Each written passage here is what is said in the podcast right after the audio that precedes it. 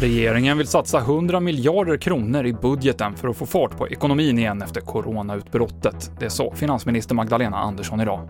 Och den här omfattningen är något utöver det vanliga, säger TV4s politiska kommentator Ulf Kristoffersson. Under alla mina år som journalist har jag aldrig upplevt något liknande. I vanliga fall så brukar man tala om ett reformutrymme, satsningar på i storleksordningen 20, kanske upp till 30 miljarder kronor. Men det här att man klämmer till med 100 miljarder på ett bräde, det är ju unikt. Mer om budgeten på TV4 Play. Tre nya dödsfall har rapporterats in idag i covid-19 och därmed är den sammanlagda dödssiffran 5 820 personer i Sverige. Moderaterna vill göra det straffbart att vara medlem i ett kriminellt gäng. I en DN-intervju säger partiledaren Ulf Kristersson att eh, gänglagen skulle kunna fungera som den med terrororganisationer som det är brottsligt att vara med i eller att ha samröre med. Och till sist kan jag tipsa om TV4s granskning av studieförbund som betalat ut miljoner till kriminella som fått pengar för bland annat påhittade studiecirklar.